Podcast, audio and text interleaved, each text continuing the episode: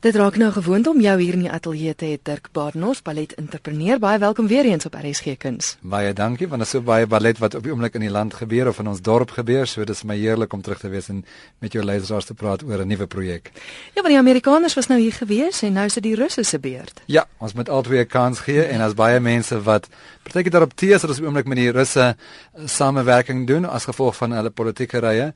Maar ballet is een van die wonderlike goed en die kuns is een van die wonderlike goed wat alle dinge oorkom en ons help om net 'n wonderlike samelewing te skep waar ons almal die skoonheid van die lewe kan geniet. Wat gaan te sien wees?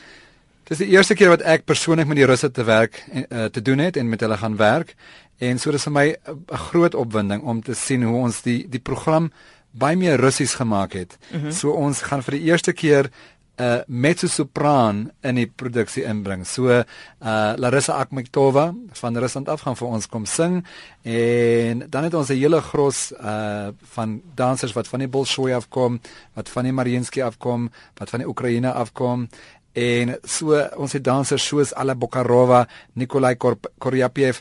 So dis name wat vir ons nie bekend is nie. Maar wat baie bekende name in Rusland is. So en is regtig vir my wonderlik om 'n groep te bring waarvan al 10 die dansers van Rusland af 'n goeie standaard is. Dit is nie soos die groepe wat in die verlede gekom het waar ons een of twee uitstekende dansers en die res van die van die ballet is nie. En is my die regte russe, dit is dansers wat uit geselskappe kom wat wat werklik bestaan. Ehm um, want oor die afgelope paar jaar het ons 'n tendens gehad waar die geselskappe wat kom word die St Petersburg Ballet genoem, mm. maar daar is nie regtig 'n St Petersburg Ballet nie. Dis 'n groep wat geskep is om te toer deur dansers te vat wat nie op ander geselskappe werk kry nie. Oh. En dis hoekom ons af baie keer praat van 'n tweede of 'n derde of selfs 'n vierde span wat Suid-Afrika toe kom. En hierdie spesifieke groep dansers is almal dansers wat in geselskappe dans wat bestaan. En hulle gaan vir ons van die bekende ehm um, parade doen soos die Swanemeer, soos Flames of Paris, maar daar's ook goed soos Russian laziness wat hulle kom doen.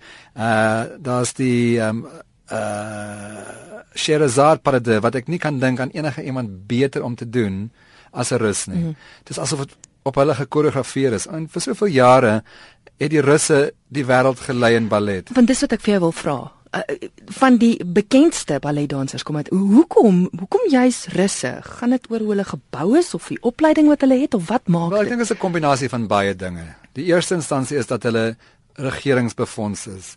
Want ons moet onthou dat Rusland besonder koud is. So hulle hulle het 'n in die winter kan jy niks gaan doen nie, jy moet in die teater gaan sit. So dan sit jy vir 3, 4, 5 ure lank in die teater en jy's uit die koue uit en jy het 'n wonderlike tyd in die in die in die teater.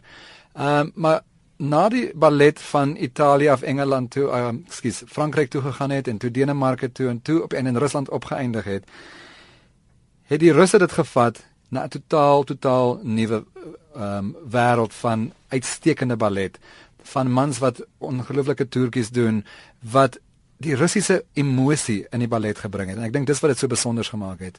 So met staatsbefondsing, met mense wat dit graag wil doen, mense wat daarvan hou om teater toe te gaan, het hulle begin om oor jare en jare 'n ongelooflike tradisie te skep. Een van die redes hoekom ons so bekend is met die russe is omdat daar drie groot russe is wat uh in Engels is die woord gedefect is. Ek weet nie met die Afrikaanse woord is daarvoor nie.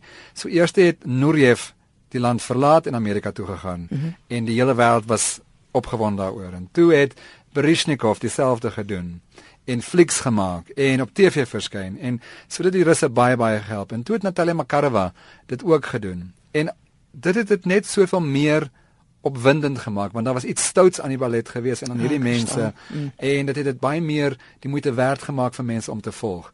En dan vir baie jare en baie van die van die van die balletopleiding wat ons almal kry, die, ek, ek werk baie met die kibane.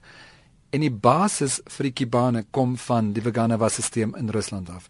Ek moet onthou dat die Russe en die kibane vir baie jare ook baie goeie vriende was. Mm. En so hulle het ook hulle ballet gedeel en later het die Kibane net die ballet in 'n ander rigting gevat en die en die Russe het gebly waar hulle is.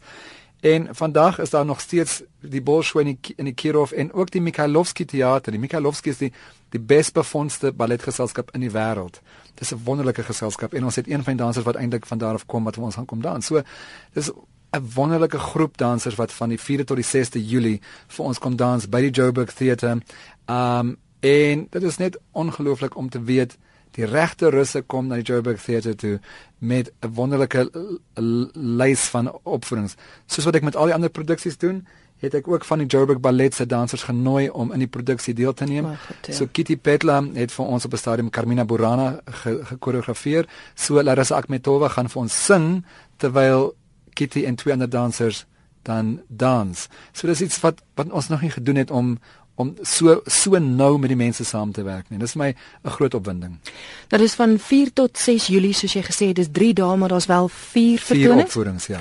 Ehm um, en kaartjies is by joburgtheater.com, so dis die Vrydag aand, die Saterdag aand, die Sondagmiddag en die Saterdagmiddag is die opvoerings.